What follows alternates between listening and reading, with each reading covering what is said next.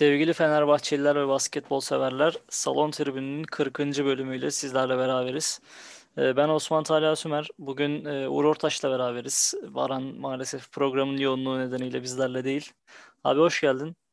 Hoş bulduk kardeşim. Nasılsın? Keyifler nasıl? Yani e, maçın üzerinden bir gün geçtiği için iyi Allah'a şükür. E, tabii dün biraz bizi kıran bir maç oldu. Maalesef e, sadece skor anlamında değil, oyun anlamında da beklediğimizin yani yarısına yakınını oynayamadığımız, e, performans olarak çok geride kaldığımız bir maç oldu. Ama en azından eşleşme anlamında e, istediğimiz eşleşmeyi aldığımızı düşünüyorum Milano haricinde. O açıdan yine pozitif bir gece diyebiliriz. Ya evet e, aslında hiç kimsenin tamam Veseli yok ama e, bu kadar mücadele dahi etmeden, efor sarf etmeden bir mağlubiyeti kimse beklemiyordu. Yani biz de beklemiyorduk. O açıdan evet biraz şok edici e, bir maç oldu. Ya O zaman biraz eski günleri hatırlattı bir de ya. Şu hani Žalgiris, Alba, değil mi? O Barcelona sezonun ilk vardı. yarısı. Evet. Maalesef oraları travmamızı hatırlattı yine. O açıdan kötü oldu ya. Aynen öyle yani zaten ya mesela Veseli Barcelona maçında da yoktu ama Veseli Evet, çıktıktan sonra o evet. sakatlıktan sonra bile o maçta çok önemli mücadele göstermiş. Takım ki bunu podcast'te yine konuşmuştuk. E, Çok takdir edilmişti bu mücadele Veselisiz. Özellikle Okui'nin pota altında verdiği savaş olsun. İşte Kesinlikle. De Colo'nun e, sahada hem fiziksel hem e, psikolojik olarak verdiği savaş. Yani birçok önemli konu, olumlu konu vardı o maçın içinde. Ama maalesef Real Madrid maçında bunların hiçbirini göremedik. O zaman hemen kısaca maçla ilgili bilgi vereyim. Ee, Eurolig'in normal sezonunun son haftasında Real Madrid'le karşılaştık. Ee, İstanbul'da, Ataşehir'de. Ee, maalesef istemediğimiz kalp kırıcı bir yenilgi aldık 93-67'lik skorla. Ee, maça aslında kötü başladık. Ee, kötü de devam ettik. Ya kısaca abi sen e, maça başlangıcımızı ve ilk yarıyı nasıl değerlendirirsin? Yani maça klasik aslında bizim hani genel olarak kaybettiğimiz maçlara çok benzer tarzda bir girişle başladık. Ee, biz kaybettiğimiz maçlarda zaten genelde maça iyi başlayamıyoruz. Ee, Barça maçı hariç ki Barça maçı zaten bence o anlamda e, çok da bir işaret sayılmaz bizim oyunumuz adına. Çünkü Barça maçı bir istisna. Açıkçası ben Barça maçını kazanacağımızı düşünüyordum eğer Veseli sakatlanmasaydı. Kesinlikle. Oyun, oyunun gidişatı onu gösteriyordu. Hani sen de e, o şekilde düşünüyorsun. E, fakat yani biz normalde kaybettiğimiz maçlarda tıpkı Efes maçında olduğu gibi başladık aslında. Çok benzer bir oyun girişiydi. E, bizim maalesef bu tarz kilit diye düşündüğümüz veya çok önem verdiğimiz maçların girişinde e, bir tutukluk yaşıyoruz. Yani kendi oyunumuzu mu oynamalıyız yoksa e, rakibin temposuna karşı oyuna adaptasyon mu sağlamalıyız, rakibe kontrolü verip bu noktada ben sıkıntı yaşadığımızı düşünüyorum. Ee, liderlerimizin de, oyun içi liderlerimizin de ki Veseli sonrası tamamen Dokolo ve Guduric'e kaldı bu iş. Hatta e, yan rol de olsa Brown'a kaldı diyebiliriz. Bu anlamda e, tam anlamıyla o kilit rolü alamadıklarını düşünüyorum. Dokolo her ne kadar çok iyi oynasa da hücum anlamında takımı zaten tek başına belki sürükleyen isim olsa da Guduric'in çok geri planda kaldığını gördük maalesef. Brown'un keza e, yine Guduric kendi rolünde maalesef performans gösteremediğinde Brown'un da yine silik bir performans gösterdiğini, e, sorumluluk almaya çalışırken çok fazla hata yaptığını, takımı skor anlamında bir anda çok hızlı bir şekilde geriye çektiğini gördük.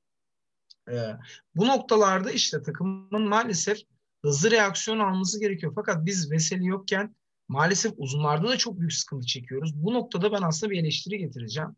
Evet e, belki iki yıldız üzerine kurduk sezon başında ana kadroyu, temel kadroyu fakat şu çok net görülüyor ki biz uzun anlamında zaten 3 uzunumuz vardı temelde. Sonradan okuyun eklemesi yaptık fakat e, oyuncu çeşitliliği, uzun çeşitliliği hem hücumsal anlamda hem e, ayak hızı anlamında hem savunma anlamında maalesef uzun çeşitliliğimizin çok zayıf olduğunu çok çok iyi anladık. Veseli belki bizim uzun takımımızın zaten %50'si neredeyse ama uzunlarımızın da belki %75'i. Yani Real Yani birçok zaafı da kapatıyordu Veseli. Hani sadece Tabii. diğer oyuncuların da zaaflarını savunmada özellikle nasıl kapattığını hani bu maçta Evet. anlıyoruz.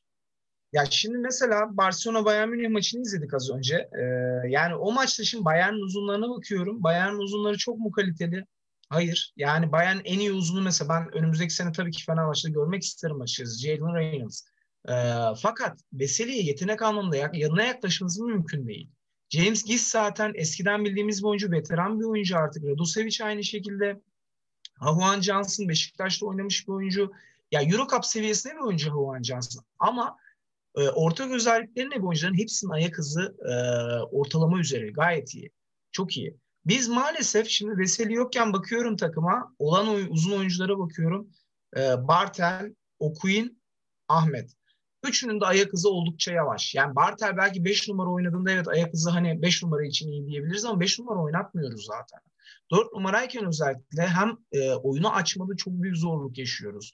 E, uzunlara yetişmede çok büyük sıkıntı yaşıyoruz. Ayak hızından dolayı savunmada kısaların karşısında kalamıyorlar. Adam değişmesi savunmayla oynuyoruz. Ki on, konuda da büyük bir eleştiri geldi ki ben de katılıyorum. Eğer ki Veseli yoksa biz adam değişmeli savunma e, yapmak zorunda değiliz. Aynen yani öyle. bunun neden bu konuda ekstra bir çözüm getirmedi? Yani bunu deneyebilir de Koç Kokoşko. Fakat ben e, öncelikle orada tekrar Kokoşkov'u yine belki hani çok seven biri olarak bir eleştiri getireceğim.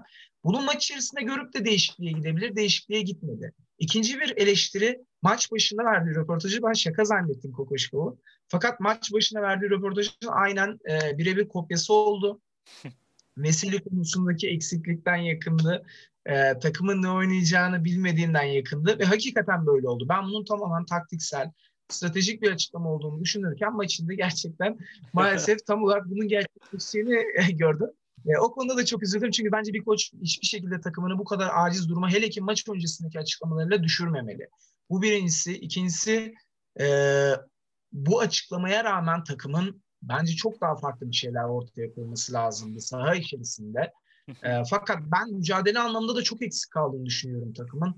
Yani bizim açımızdan önemsiz bir maç mıydı sence?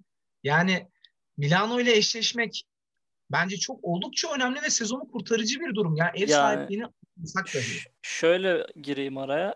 Ee, tabii ki bizim açımızdan da önemli bir maçtı sıralama açısından, hani playoff ve sezonun devamı açısından. Ama esas yani bu maçta e, maçta baskı Real Madrid'in üzerindeydi. Çünkü kaybetseler evet. playoff dışı kalacaklar. böyle bir durumda e, maça öyle bir başladık ki yani sanki biz bu maçı kaybedersek her şey bitiyormuş, gidiyormuş. Öyle bir havada girdik. E, öyle yani, de devam etti. Zaten sen de gece Milano karşısındaki yani. Efes gibiydik ya. Tabii. Ee, yani evet maalesef kötü başladık. O senin de dediğin gibi sezon başındaki maçlarda da hep ilk çeyrekte 10 sayı 15 sayı oradan maç kopuyordu. Öyle bir maç oldu. Yani hiç geri gelemedik. Bir en son 8 sayıyı e, indirdik. Devamında çok basit hatalar. Tekrar fark fırladı gitti. Ee, yani kısaca ilk yarıya değinmek gerekirse ben de şunları söyleyebilirim.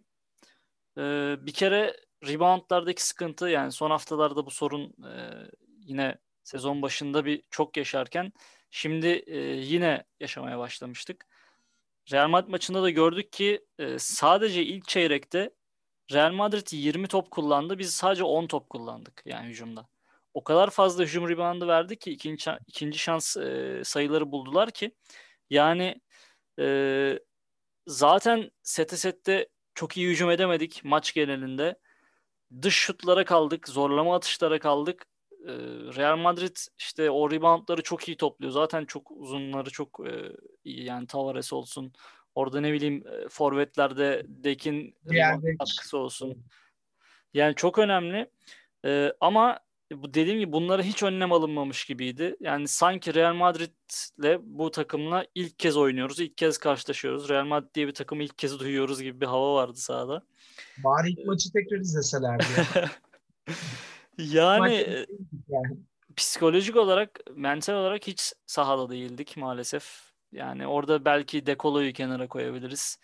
Maç boyu istikrarlı sayılabilecek tek oyuncuydu. Ee, yani zaten ilk çeyrekte 12 sayı farkı yakaladılar 23-11 ile. E, devamında ikinci çeyrekte de maalesef e, yani skor anlamında baktığında 25-26'lık bir çeyrek ama yani Real Madrid'den 26 sayı, 23 ve 26 sayı yediğin bir e, iki çeyrekte maça ne kadar tutunabilirsin kendi sahanda?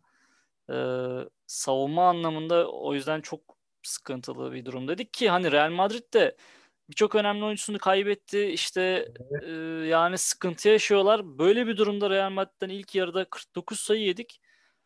E, karşılığında da sadece 36 sayı atabildik kendi sahamızda. Evet Veseli yok ama tabii ki bu dünyanın sonu değil. E, o yüzden kabul edilemez bir ilk yarı vardı. Hani ben bir reaksiyon bekledim açıkçası ikinci yarıda. Özellikle Guduric'ten bir reaksiyon bekledim. Ee, ama maalesef o da gelmedi. Ee, ikinci yarıyla ilgili neler söylersin abi? Yani dediklerine sonuna kadar katılıyorum ee, ki Guduric hani böyle kötü oynadığı devrelerden sonra ikinci yarı dediğin gibi çok çok iyi bir şekilde maça girdiği, çok hızlı girdiği, arka arka üçlükler attığı veya hani liderliği eline almaya çalıştığı maçları çok gördük. Fakat böyle bir maç da yoktu ortada. Yani bugün takım e, net bir şekilde amaçsız bir takım gibi oynadı. Şimdi bugün tekrar diyorum hani maçları izledik. Milano Efes maçında Efes hiçbir şey ortaya koymadı. Barcelona Bayern maçında Barcelona hiçbir şey ortaya koymadı. Çünkü sıraları belliydi. Hatta ellerinde seçim hakkı vardı. Barcelona'nın vardı ki e, seçti de gerçekten. yani, Bayern'den kaçtılar. Bayern'den kaçtıları da geçtim. E, Bayern'den kaçtılar. Yarı finalde bence Real Madrid'den kaçtılar. E, Efes'i Real'le eşleştirdiler. Real'i ele me şansı verdiler Efes'e ki önemli bir şey bence bu da en büyük rakiplerine. Ee, CSK Fener eşleşmesi de az buz bir eşleşme değil. Sürpriz bir şey çıkabilir oradan diye de hesaplamış olabilirler. Yani baya baya Barcelona'nın işine geliyordu. Ama biz hani e, hangi konumdaydık da biz bu kadar amaçsız oynadık ben onu çok merak ediyorum. Şimdi Real Madrid son muhtemelen 10 maçına falan baksak e, tamamen şu an hani kafamdan söylüyorum. Ben bu kadar rahat bir maç hatırlamıyorum Real Madrid adına. Yok. Real Madrid Yok e, bir tek Zenit maçını hatırlıyorum hani deplasmanda aldıkları. O maç bile bu kadar kolay geçmedi. E, kaldı ki bu senin dediğin gibi baskının Real tarafında olduğu, Real'in sezon adına en önemli maçının olduğu, e, hatta maçtan sonra dek gidecekmiş. Bunu muhtemelen biliyorlardı da böyle bir maç oynadılar yani rakip. Ama böyle bir maç oynarken bizi 25'e yatırıp gittiler yani. Bu normal bir şey değil maalesef. Maalesef yani. Ve ben şu konuda da tekrar kızıyorum. Ee, yani Real Madrid'in kısa yaratıcıları çok mu iyi? Yani Real Madrid şu anda belki ilk 8 içerisinde en zayıf kısa yaratıcılara ta- sahip takım. Hani Kosor'u falan saymıyorum. Laprovitola. Laprovitola. yani Laprovitola ya. Evet ya bu inanılmaz bir şey. Yani sezon başında Laprovitola Panathinaikos'a gidiyordu. Ee, sırf Campazzo'nun gidişine dair yanına guard alamadıkları için ekstra öylesine tutulmuş bir oyuncu. Yani rakip takıma gidip güçleneceğine e, elimizde bulunsun Aslında mantığıyla tutulmuş bir oyuncu. O durum da biraz sanki e, karışık gibi ya. Hani alınamadı mı, alınmadı mı yerine oyuncu. Ya Acaba? evet. Yani bu kadar neredeyse hani kötürüm denebilecek bir kadroya Lasso'ya mahkum etmeleri Lasso adına çok büyük Obradovic'in boşta olması, Lasso'nun sözleşmesinin bitiyor olması bu sene yani komple teorileri de hani e, az buz değil yani. Evet ama şu maçtan sonra onlar tekrar bir hani rafa kalkar diye tahmin ediyorum. Ya bir de Hörtel olayı vardı hani biliyorsun. Hörtel de eğer tabii. o olay duyulmasaydı muhtemelen Real'de oynayabilecekti. Deadline bitmeyeceği için muhtemelen oynayabilecekti ama Örtel'in de çok iyi geleceğini düşünmüyordum ben Real Madrid'de. Ya tabii bu yoklukta ama dediğin gibi e, ne yapardı? Yine hani o da tartışılması gereken bir konu ama tekrar hani Laprovitola konusuna gelirsek yani Laprovitola'nın ben bu kadar rahat bir maç oynadığını hele ki bizim elimizde Brown varken kısa savunmacı, topa baskıcı diyoruz. Varken böyle bir şey oynamasını kabullenemiyorum. Okuyu'nun e, üçlüklerde el kaldırmamasını kabullenemiyorum ve bu maça hiç çalışılmadığını çok iyi görüyorum. Neden? Sergio Llull çok rahat bir şekilde Okuyun'da kaldığında kaldırıp kaç kere attı. Okuyun'un onu uzaktan savunması gerektiğine dair bile bir çalışma yapıldığına, e, briefing verildiğini düşünmüyorum ben. Ya kesinlikle dediğin gibi özellikle e, Veseli sonrası o savunma stratejisinin değişmediğini net bir şekilde gördük. Yani Okuyu'nun zaten Avrupa'ya hani yeni bir oyuncu olması, zaaflarının olması, bir de üstüne Veseli rolünün ona yüklenmesi çok normal yani hataları beraberinde getirdi. Ee, yani maça kötü başladık demiştik. Ee, şunu da ekleyeyim bir dipnot olarak. İlk yarı boyunca sadece 6 faul yaptık. Yani iki, iki periyotta 20 dakikada sadece 6 faul yaptık. Yani Hiç ne kadar yumuşak ve savunma yapmadığımızın aslında bir de göstergesi bu. Ee, ikinci yarıda da zaten Real Madrid e, istediği gibi tempoyu kontrol elinde tutarak e, güle oynaya maçı kazandı. Yani bir ara dediğim gibi 8 sayıya indirdik e, Dekolo'nun çabalarıyla. Ama orada Real Madrid molası sonrası çok basit hatalarımız vardı. Fark tekrar 15-16'lara çıktı. Sonra 30'lara kadar gitti. Ee, dediğim gibi maçın etkisiz isimlerinden biri de Lorenzo Brown'du. İsterse kısaca oyuncu bazlı değerlendirmelere de geçelim. Ee, evet. Lorenzo Brown yani 16 sayısı 25 dakikada 16 sayısı var ama e, bu 16 sayıyı sen hani e, nasıl yani, tarif edersin? yani şöyle şimdi Brown e, ikinci periyotta özellikle skor 25-26 demiştin sen. O skor oluşurken fark arttığında fark 20'ye çıktıktan sonra biz hani orada bir dönem oldu. Edin'in özellikle üçlükleri iki tane üçlüğü vardı hı hı. ki ben yine Edi konusuna da girmek istiyorum.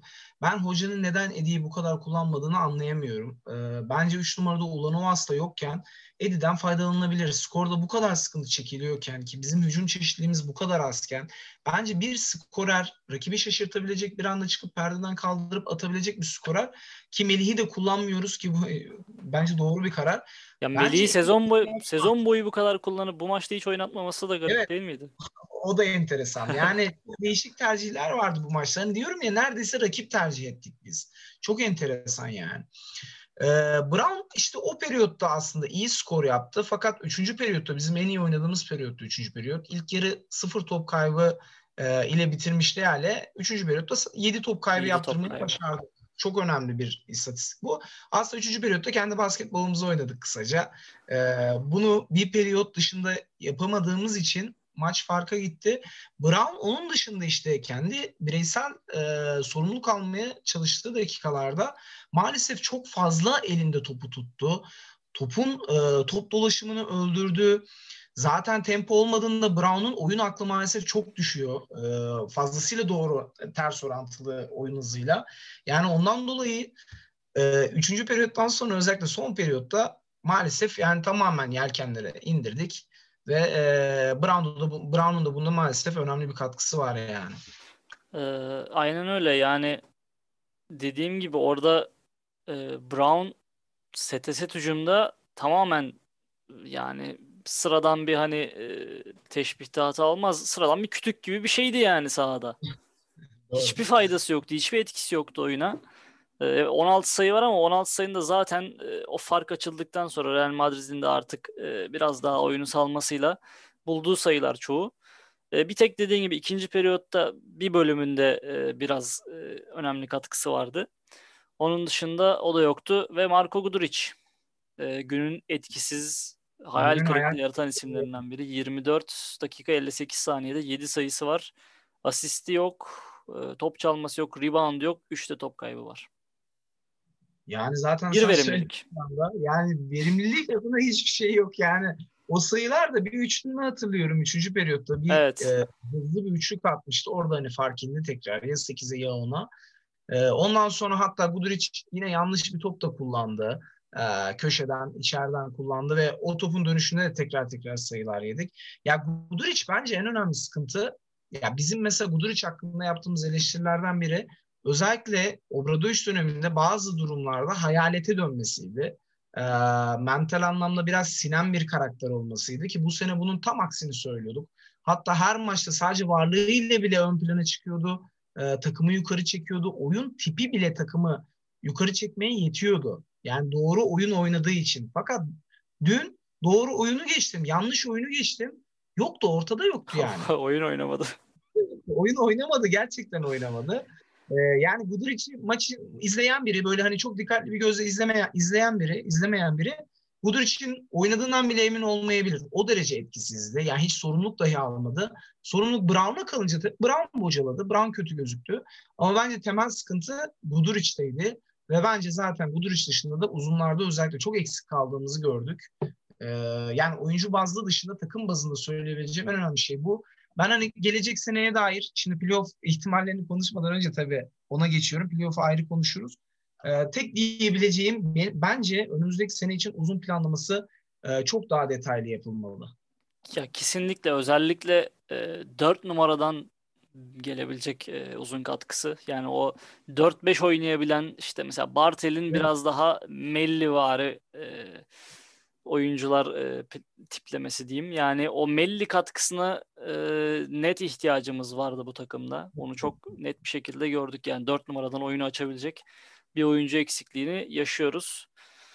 E, yani Dekolo'nun performansını kısaca değinmek gerekirse zaten son haftalarda istikrarlı bir oyunu vardı. Takımı Veseli ile birlikte sahiplenen bir e, oyunu vardı. Skor anlamında zaten takımın skor yükünü çekiyor. Dün de 33 dakikada 23 sayı attı Dekolo. Ee, bir asisti var ama 27 verimlilikle oynadı. Dekolo'ya toplam 10 faul yapılmış. Evet yani asistsizliği de takımdaki diğer parçaların tamamen etkisiz olmasıyla alakalı. Yani zaten kimse yoktu ortada. Yani Dekolo pasör oyununu hiç kullanmadı diyemeyiz ama e, bence Dechampierre dahil gerçekten takım kendinde değildi diyor.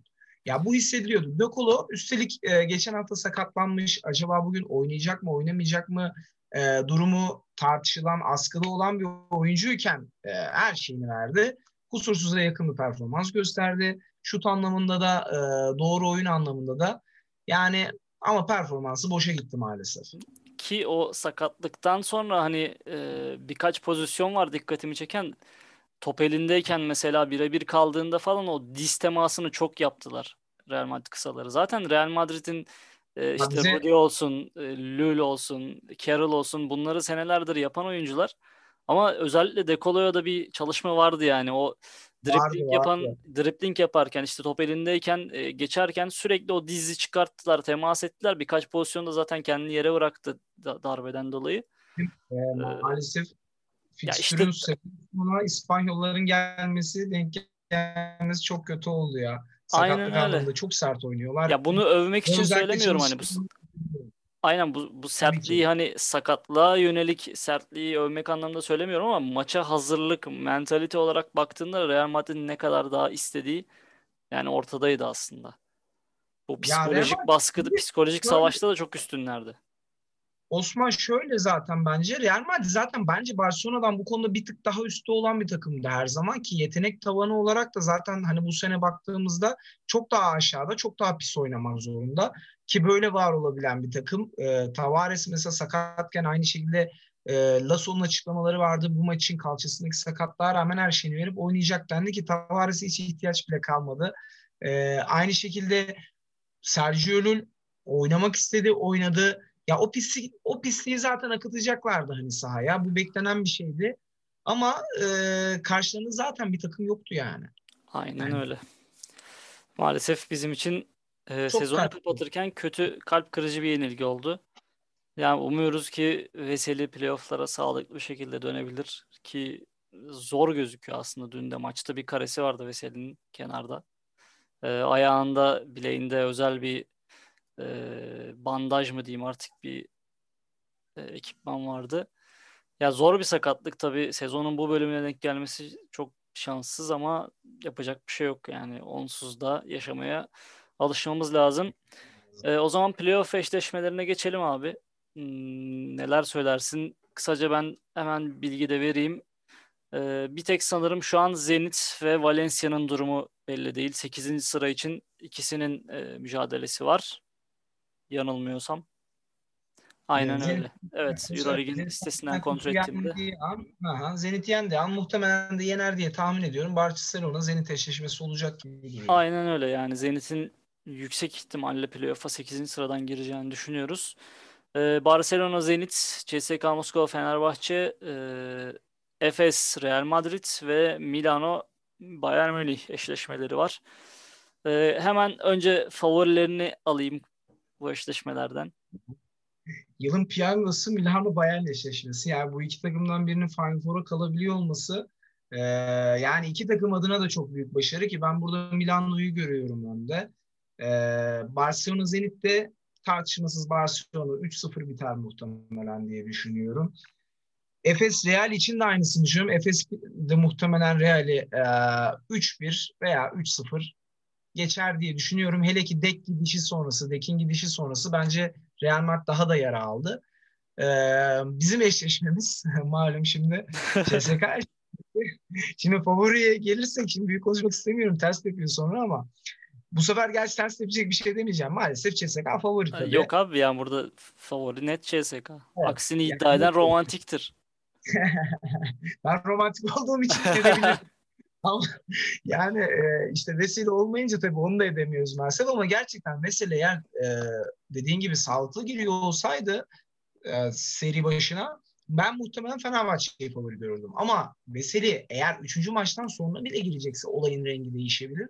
Çünkü ilk iki maça girmedi diyelim mesele. Ben yine de iki maçtan birini çalabileceğimizi düşünüyorum. Şimdi orada farklı göstergeler de var. Mike James durumu var. Mike James acaba geri dönecek mi Amerika'dan? Ee, yoksa artık tamamen Mike James'iz oynayacak mı CSK? Buna da alışmak için mi bu şekilde oynadılar? Bu konuda henüz bir veri yok elimizde. Ya benim Eğer... gördüğüm sosyal medyadan da takip edebildiğim kadarıyla Mike James defteri orada kapandı gibi bir şey Kapandı. yani. E, Itudis kesinlikle bence düşünmüyor onu artık ki e, dün de mesela onun yerine e, transfer ettikleri aslında e, Ife Lundberg çok önemli bir performans sergiledi. E, hani onun yerini tabii bilmiyorum doldurabilir mi? O kadar Mike James kadar e, yetenekli bir oyuncu değildir tabii ki ama e, sanki o gittikten sonra biraz daha takım olmaya başladılar gibi gördüm ben CSK'yı. Evet. O yüzden biraz çekiniyorum. Aynı fikirdeyim. Yani e, daha takım oluyorlar, olacaklar da ama ben her zaman hani yetenek tavanı biraz daha düşük olan takımı tercih etmeyi e, daha doğru buluyorum kendi adıma. Ya, evet. Yani CSK şimdi Milutinov da yok. E, Mike James de yok. Şimdi Lundberg bence çok yönlü bir oyuncu ve çok iyi bir oyuncu. Fakat Lundberg'in de mesela riske edilebilir yönleri var. Şut anlamında Mike James kadar yaratıcı değil. Yani Mike James kadar e, her yerden şut atabilecek bir oyuncu değil. Dün maç sonu Ama... bir şutu vardı. E, side step yani sola bir adım atıp Mike James vari maç sonunda bir üçlüğü var. Orada basket faul oluyor hatta. Maçı koparan da şut. Maçıncın önüne tam alışmış yani. evet evet Mike James taklidi de geldi orada yani. evet. Ya o kendini tabii orayı ısıtıyor şimdi. O koltuğu almış yani. Fakat ben yine de Lundberg'den tabii ki James kadar çekinmiyorum. James deli dolu bir oyuncu. Evet çok hata yapan da bir oyuncu ama James yine de çekinilecek bir oyuncu. Ee, Lundberg aynı şekilde değil. En azından şu an için değil. Ee, çok daha üstüne koyabilir tabii Lundberg ki ben kalıcı olacağını düşünüyorum. Fakat bu anlamda avantajlıyız. Onun dışında uzunlar konusunda biz zaten çok sıkıntı çeken bir takım olarak yani CSK'da şu anda klasik bir pivot yok mesela. Ya fizik anlamında bize çok büyük sıkıntı çıkaracak bir pivot yok ki. E, muhtemelen yine Michael Larry'in ben çok kullanılacağını düşünmüyorum. Michael Larry'i de çok beğenen bir e, kişi de değilim. Oyun IQ'su vesaire hani çok fazla yönden sıkıntısı olduğunu düşünüyorum. E, fakat Voigtman yani Voigtman zaten son günlerde son maçlarda çok çok verimliydi. Real maçında belki tek başına alan kişiydi Voigtman. Fakat Voigtman ne olursa olsun aslında bir dört numara orijinli bir beş numara. E, fizik anlamında çok bize sorun yaratacak tarzda bir oyuncu değil. Şutuyla hani sıkıntı çıkarabilecek bir oyuncu ki o anlamda biz hani e, uzunlarımız çok büyük bir sıkıntı çıkaracağını düşünmüyorum bizim uzunlarımıza. E, en azından ters gelen tarzda bir oyuncu değil.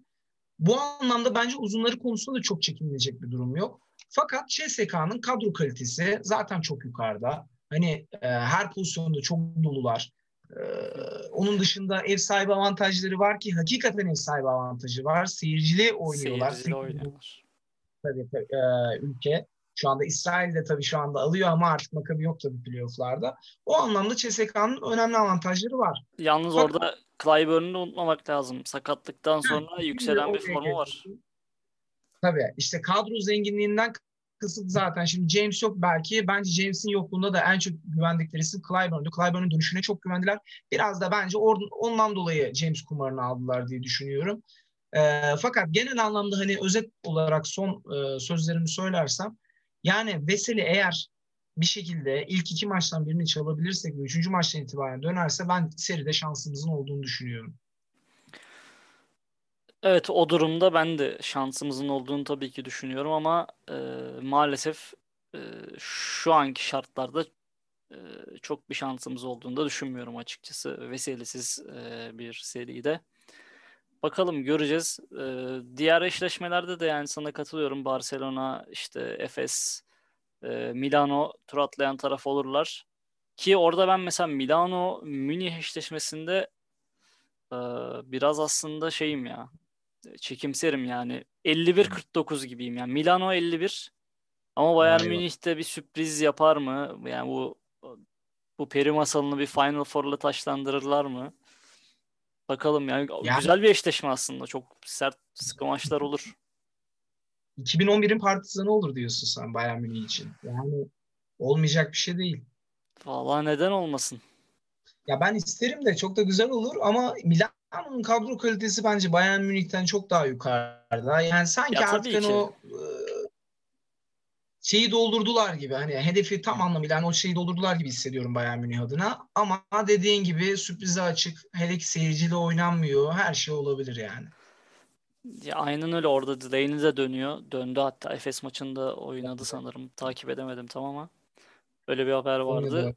Ya kadro kalitesi tabii ki tartışılmaz ama ben belki bir sürpriz yapabilirler gibi düşünüyorum. E bakalım.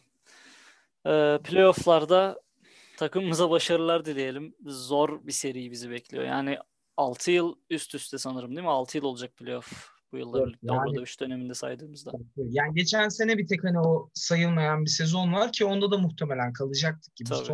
Son 8. sıradan tam zaten almıştık o sırayı fakat sezon bitti.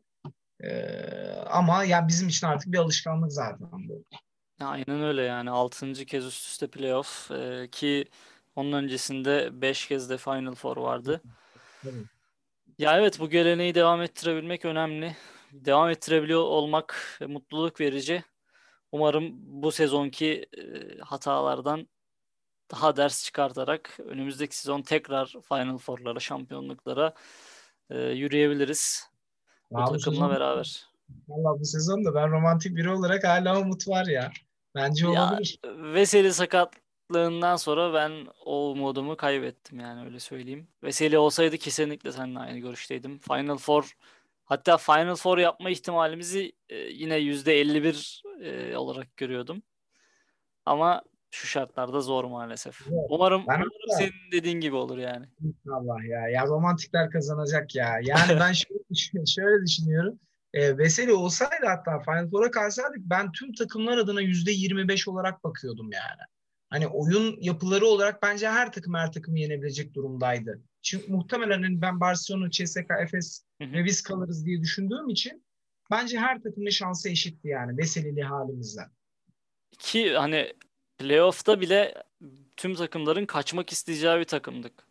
Veseli yani yani ki e, dediğini doğrular şekilde Ergin Ataman da açıklama yaptı yani hani tek kaçınmak istediğim takım Fenerbahçe diye ki bu veselisiz haliyle böyle. Yani şimdi Osman ya biz de son iki maçı kaybettik fakat son 19 maça baktığımızda 15 galibiyetimiz var yani. Hani bu da inanılmaz bir oran. Kesinlikle bunu kesinlikle küçümsemiyoruz ama yani o iki maçta gördük ki Veseli'nin etkisi bu takım üzerine ne kadar büyük çok yüksek. İşte MVP sezon diye e, bu yüzden söylüyorum. Ya evet diye diye nazar değdirdik.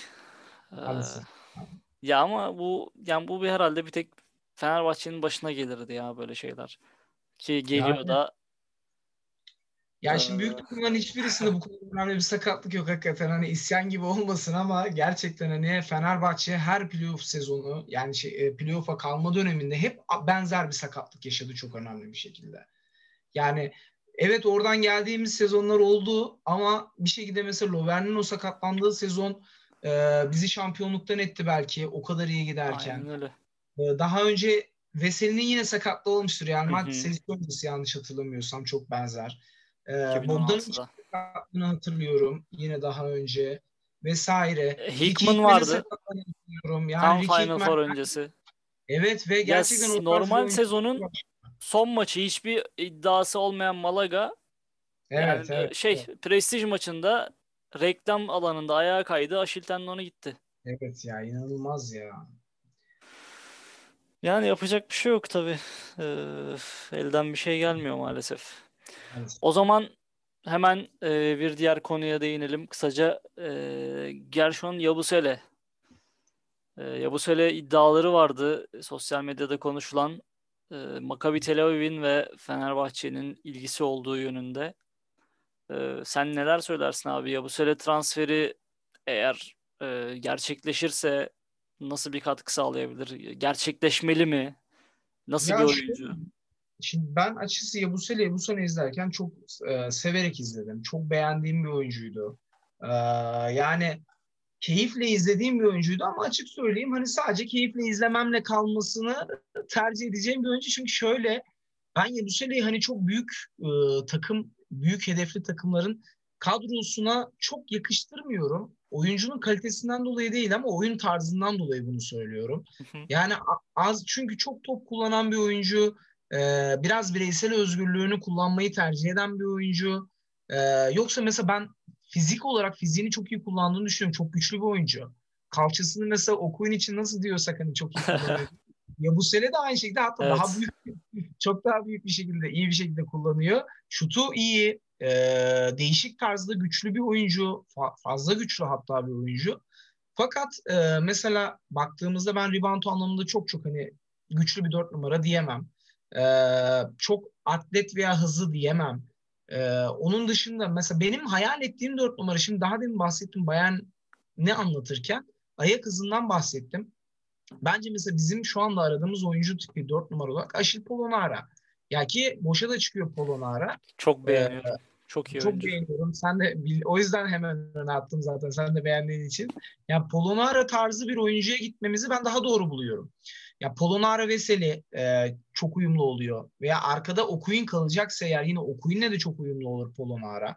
Ki ben yanlarına bir de 4-5 lazım diyorum. Yani yine ayak hızı e, iyi, şutu olan Jordan Mickey tarzı bir isim istiyorum. O zaman o Bartel'den çıkıyoruz. Ben Bartel'den çıkmak istiyorum. Ya çıkılacağını da tahmin ediyorum açıkçası. Çünkü hiç olmadı Bartel. Ya yani yine olur gibi olduğu dönemler oldu. Ee, tamam herhalde. Yine denenir denilecek dönemler oldu ki ben savundum Bartel'i ama olmadığını gördük. Yani sezon sonunda oyuncu daha sezon başındaki halinden veya e, top performansı bulduğu dönemler çok çok geride olmamalı diye düşünüyorum. Ya sudan çıkmış balık gibi son dönemde ki bu hani sezon bitiyor. Bu ya orada sakatlığının da etkisi var ama ya. Ee, zaten o bel sakatlığı yaşadı hani sezon ortasında bir uzun bir süre uzak kaldı. Dönüşünde yani... daha iki hafta önce Bayern Münih maçında bir pozisyonda yine sakatlandı. Belinin üzerine kötü düştü. Ee, onun ya... da etkisi olduğunu düşünüyorum ama dediğin gibi genel performansa baktığımızda bence de istenen, beklenen katkıyı veremedi. Ki bunda hani net Bartel'in suçu da diyemiyorum. Biraz da oynadığımız oyun ve Bartel'in oyun tarzına pek uygun değil gibi. O yüzden hani ben de çıkılır diye tahmin ediyorum. Çıkılmalı diye de düşünüyorum. Biraz da şu var. Şimdi hani ben ruh sağlığında çalıştığım için de belki öyle. Hani hastalık biraz da psikolojide başlar önce. Yani e, Bartel hani normalde biyonik adam diyoruz. Yani hiçbir sakatlığı daha önce olmayan, maç kaçırmayan e, bir adamken şimdi bir anda bunlar oluyorsa eğer yani bu sadece ben sakatlıkla da açıklamıyorum. Yani ben biraz da psikolojik olduğunu düşünüyorum bazı şeylerin. Ee, ondan dolayı ya Bartel'den çıkılması gerektiğini düşünüyorum açıkçası. Evet. E, Bartel maalesef bekleneni veremedi. Diyelim. Ee, Okuy'nin bir röportajı vardı Eurohoops'a verdiği e, hafta arasında. Hemen ona da değinelim. Ee, biliyorsun geçenlerde New York Knicks iddiaları ortaya atıldı Okuy'unla ilgili. Hatta e, kendisinde beğendiği bazı tweetler vardı. New York taraftarlarının geri dön işte seni özledik tarzı tweetlerini beğenmişti. E, bu haberlerle ilgili şöyle söylüyor Okuyun. Haberiniz olmadan şeyleri okumak şaşırtıcı oluyor. Bir şey gerçekleşene dek onun hakkında konuşmayı sevmem. Fenerbahçe'de olduğum için mutlu ve minnettarım. Şu an kendimi başka bir yerde hayal etmiyorum. E, ki sen gitmeyeceğini e, gitme, yani gitmeyeceğini düşündüğünü söylemiştin. E, öyle de olmuş gibi gözüküyor. Yani yanıtmadı beni sağ olsun. Çok karakterli zaten ama e, ben bu açıklamadan da anlıyorum ki sezon sonu gidecek muhtemelen. Yani e, bir şey gerçekleşmeden konuşmayı sevmiyorum demek muhtemelen e, yani sezonun bitiminden sonrası için hani ben ya bir yerle anlaşıldığını veya söz alındığını vesaire düşünüyorum.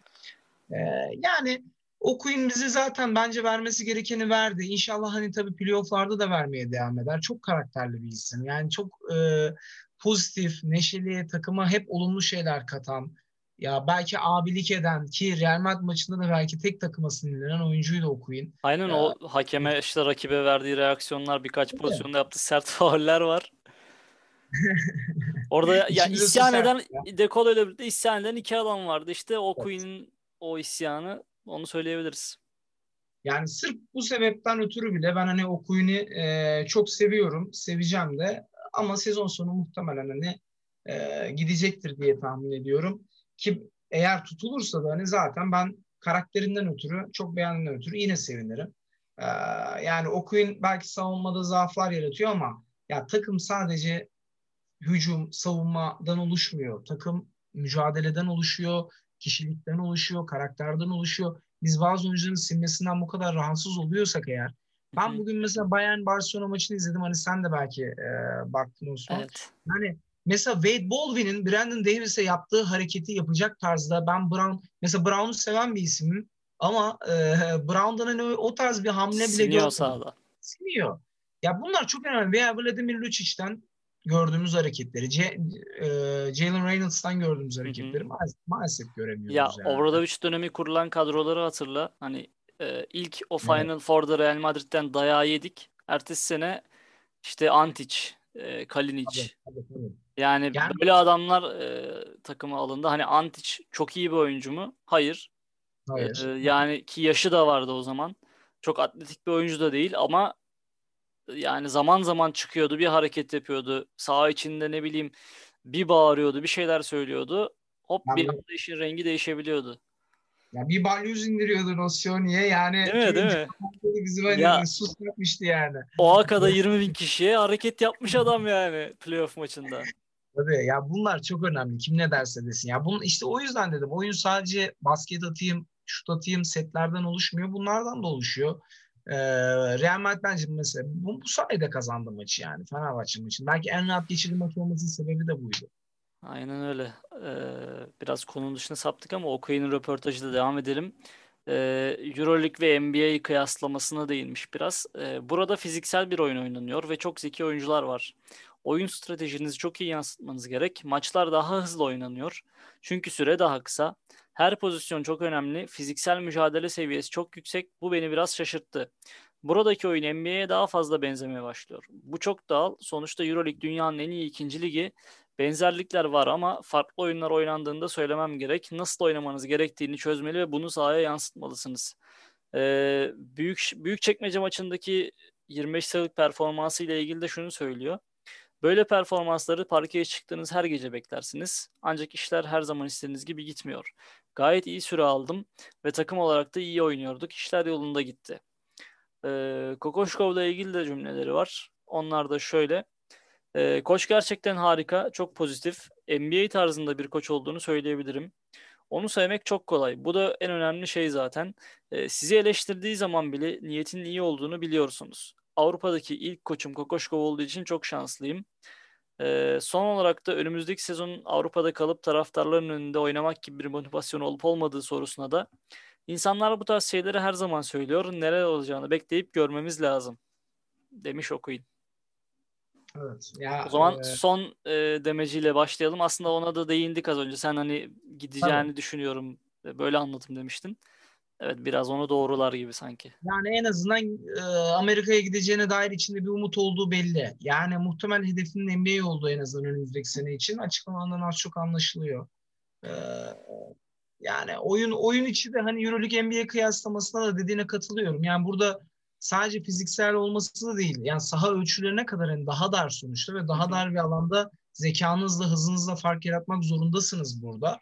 Ee, ondan dolayı ondan kaynaklı farklar var tabii ki orayla ama ya bence en önemli farka değinmemiş. Yani pazarlama anlamında, bütçe anlamında çok büyük fark var maalesef hala ki eğer playoff döneminde playoff hedefi olan, şampiyonluk hedefi olan bir takım eğer ki en önemli oyuncularından birinin yerini dolduramayacağı bir oyuncuyu kaybediyorsa NBA'ye burada oturup düşünmek lazım. Bu çok büyük bir fark yani o iki organizasyon arasında.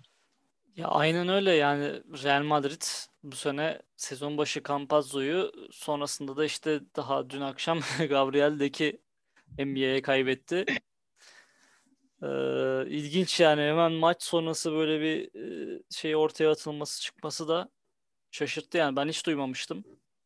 Biliyorum sen ya, de duymuş muydun önceden ama. Ben duymadım. Muhtemelen anlaşılmıştır yani sezon bitmesi beklenmiş demek ki. Ya enteresan bir iş ne olursa olsun yani. E, aynen öyle. Yani o Queen de e, dediğim gibi aslında çok yani pozitif bir insan. E, çok zeki olduğunu da ben hani açıklamalarından da e, anlayabiliyorum o NBA ve EuroLeague kıyaslamasını yaparkenki cümleleri. Yani evet bakalım göreceğiz ve bugün yine bir haber vardı. E, Vincent Poirier Real Madrid ile anlaştığı yönünde 3,5 yıllık. E, hatta bugün gelip sanırım ya da pazartesi sağlık kontrolünden geçip e, kadroya dahil olacağı şeklinde. Tabii Euroleague'de forma giyemeyecek ama İspanya Ligi'nin geri kalanında Aynen. forma giyebileceği söyleniyor. O da Avrupa'dan yani hani Baskonya'dan gitmişti fark yaratıp ama NBA'de pek tutunamadı. Yani Poirier bence çok önemli bir isim ya. Ya ya en azından hani Real Madrid bir oyuncu gönderdi ama evet yerini doldurdular. Yani bu sezona dair ben zaten açıkçası hani çok büyük bir artık Euroleague anlamında e, hedeflerini en azından tutturdular bu kadar eksiğe rağmen. Ama Final Four anlamında artık çok bir beklentileri olduğunu düşünmüyorum ama seneye yatırım oldu. e, yani Poirier bence çok önemli bir oyuncu. Ve bence bizim takıma da gidecek tarzda bir oyuncuydu Poirier. Yani uzun süredir hani bizim kaliteli e, fizik gücü yüksek, rebound anlamında rakibi ezebilecek. Hani biz Lovern'i bu mantıkla getirmiştik ama Lovern tutmadı. E, Poirier Lovern'den fazlasını verebilirdi bence bize. Ki ismi genelde iki yazdır da geçiyordu hani Fenerbahçe ile. E, olmadı. Yani Real Madrid adına bence ki Tavares varken Tavares'in arkasına yapılmış bir transfer olarak bence çok önemli bir transfer. Ya bir de Real Madrid hani e, Campazzo ve Dek transferlerinden yani Campazzo ve Dek'in NBA'ye gidişinden önemli bir buyout elde ettiği söyleniyor. E, bunu Uğur Ozan Sulak bugün e, Twitter'da gündeme getirdi. E, yani onun söylediğine göre yaklaşık bir 8,5 milyon dolarlık buyout elde ettiler bu iki oyuncudan. Evet.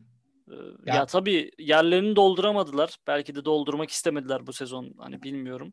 Ama önümüzdeki sezon yani zaten Real Madrid hani maddi anlamda çok sorun yaşayan bir takım değil ama böyle ekstra bir gelir de elde etmişken hani Barcelona da böylesine ciddi yatırımlar yapmışken bir e, herhalde karşı atak gelir. Yani e, kesin gelir. O para kullanılır. Ya bir de yazın da hani önemli oyuncular boşa çıkacak. Yani şimdi Mike James'la isimleri geçiyor. Darius Adams'la isimleri geçiyor. E, Kivana Maker'ın ne olacağı belli değil. Hani yine alertte olduğumuz oyunculardan birisi. E, Bayern'de mesela Vladimir Lucic'in ne olacağı belli değil. Ben mesela Lucic'e de gözümü diktim hani 3 numarada. Baldwin. E, Baldwin aynı şekilde ki ben Baldwin'e gideceklerini düşünmüyorum ama onu söyleyeyim ya ben Baldwin'i mesela bize de istemiyorum. Çok evet çok savaşçı hani bugün övdüm. Ee, iyi de bir oyuncu ama ben yine hani nasıl Yabusele'de top takımlara bence gidecek tarzda bir oyuncu değil. Evet evet. E, diyorsan Baldwin için de açıkçası aynısını düşünüyorum. Ama dediğin sana. gibi piyasa evet. Yani piyasa hani aktif geçecek muhtemelen. Real oradan muhtemelen kısalara iki tane benim tahminim. Uzuna zaten çekti. Randolph'ta dönerse hani e, ama parayı harcarlar yani. O kısa, kaliteli iki kısaya mutlaka harcarlar. Aynen öyle. Bakalım göreceğiz. Yaz yine hareketli geçecek gibi gözüküyor. Ee, ve son olarak Kadınlar Euroleague'de e, Final Four 16-18 Nisan tarihleri arasında İstanbul'da Fenerbahçe'nin ev sahipliğine düzenlenecek. E, daha doğrusu Fenerbahçe ev sahipliğine diyoruz ama e, Volkswagen Arena'da oynanacak maçlar. E, Fenerbahçe Özgür Kablo e, Ekaterinburg'la karşılaşacak yarı finalde e, Final Four League maçında. Zaten e, Ekaterinburg hani normal sezonda da e, sezonun en güçlü kadrolarına sahip e, takımlardan bir tanesi ki zaten aldıkları skorlarla da bunu gösterdiler. Çok iyi bir takım, çok güçlü bir takım. E, biz de bu sene iyi bir kadro kurduk. Ee, iyi bir e, ritim yakaladık. Takım iyi bir ritim yakaladı. E, sezon ortasında Alina Yakupova eklemesiyle e, çok daha güçlendirdik kadromuzu ama maalesef sezonun en kritik e, anlarında Final Four zamanında üst üste çıkan e, Covid-19 vakaları biraz tadımızı kaçırdı açıkçası. Yani e, bu takım şampiyon olur, şampiyonluğa oynar e, derken Maalesef 4 vaka yanılmıyorsam. Aynen öyle. E, iki oyuncu da çıkmıştı. Sonrasında iki oyuncu da daha pozitif olduğu tespit edildi. Ve dört oyuncumuz e, karantina sürecindeler. E, ilk ikisi sanırım yetişebilecek Final Four'a ama e, maalesef diğer iki oyuncunun yetişmeme durumları var. Ki bu sonradan çıkan iki oyuncudan birinde Alina Yakupov olduğu söyleniyor. Yani Oo. çok talihsiz. Aynen öyle. Kötü, çok ee, kötü. Yani ben hani senin kadar tabii bilmiyorum ama e, çok duyduğum için de söylüyorum. Çok üzücü eğer öyleyse. Ya Yagupova belki de şu an Eurolig'in en iyi oyuncusu diyebiliriz yani bireysel olarak yetenek anlamında baktığımızda ki geldiğinden sonra verdiği katkı da zaten ortada muazzam. Ya playoff'larda Galatasaray eşleşmesinde tek başına aldı seriyi. Yani orada tan ben bile evet tanıdım yani. Aynen öyle yani orada hani takımı hatta biraz eleştirmiştik. Biraz Yagupova eksenli oynuyorlar işte takım oyunundan ziyade e, yani takım oyunu anlamında baktığımızda çok etkisiz kalıyoruz. Yagova'nın bireysel becerilerine bakıyor takım gibisinden e, yorumlar yapılıyordu. Ki ben de katılıyorum buna. E şimdi Yagova'nın olmadığı bir ortamda Ekaterinburg'la ne kadar baş edebiliriz? Bilemiyorum yani. E, yani çok aynı zor. kaderi paylaşıyoruz. Veseli e, olmadan nasıl CSK diyorsak aynısı kadın Aynen öyle bak. Güz- evet. Güzel benzetme. Yani tam en kritik zamanda bunun da yaşanması Yine e, tam Fenerbahçe işi. E, ya yapacak bir şey yok. Sağlık olsun. Umarım evet. ve Katerinburg'u geçer. Şampiyonluğa da ulaşabiliriz diyelim. Başarılar dileyelim takımımıza. Evet, bugünlük bu kadar. E, ağzına sağlık abi. Teşekkür ederim geldiğin teşekkür için, katıldığın için. Çok teşekkür ederim.